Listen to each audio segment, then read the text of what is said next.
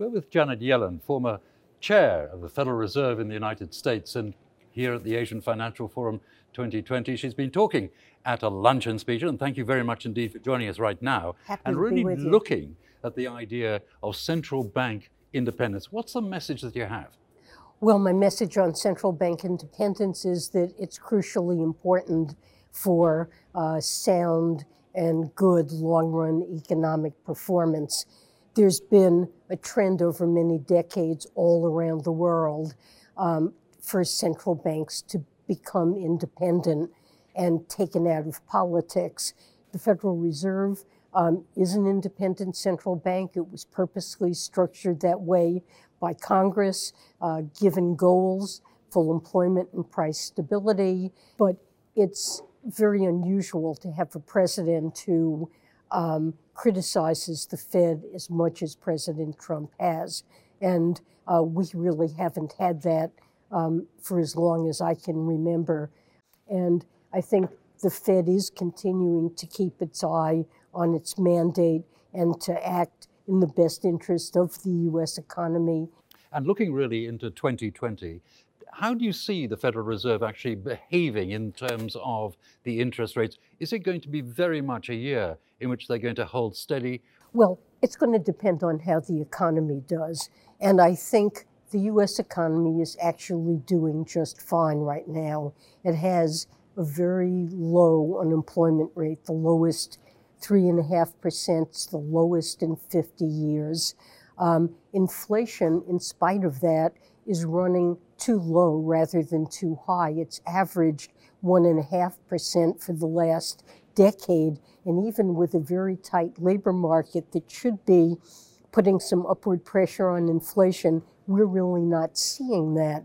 So um, the Fed, after raising interest rates toward a kind of neutral level, certainly they would be prepared to cut more um, if it seems to be necessary to keep the expansion going. And looking at the uncertainties between China and the United States, what's your overall outlook for A, the relationship itself, and B, that's how that's going to affect central banks' operations both in China and indeed in the United States as well?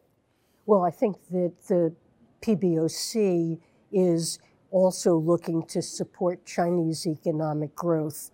Um, I mean, China's been, its economy has gradually slowed over time.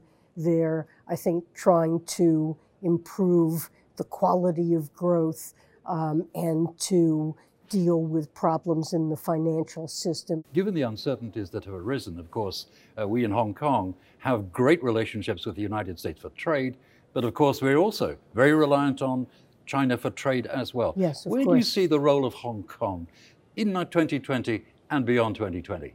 Well, Hong Kong uh, plays a critical role as a bridge for China um, into the global economy. And um, the financial system of Hong Kong is um, globally important. I think it's the third most important um, financial center in the world. Um, it plays a very critical role. And of course, it's a place where free enterprise thrives, rule of law, highly open capital markets, um, great financial expertise, and a home for um, the world's greatest financial institutions. Um, I see those um, advantages as continuing to um, give Hong Kong a very important role um, as a bridge between China and the rest of the world. So, here at the Asian Financial Forum 2020, you can say that Janet Yellen has given a vote of confidence to Hong Kong. Yes, I think that's fair.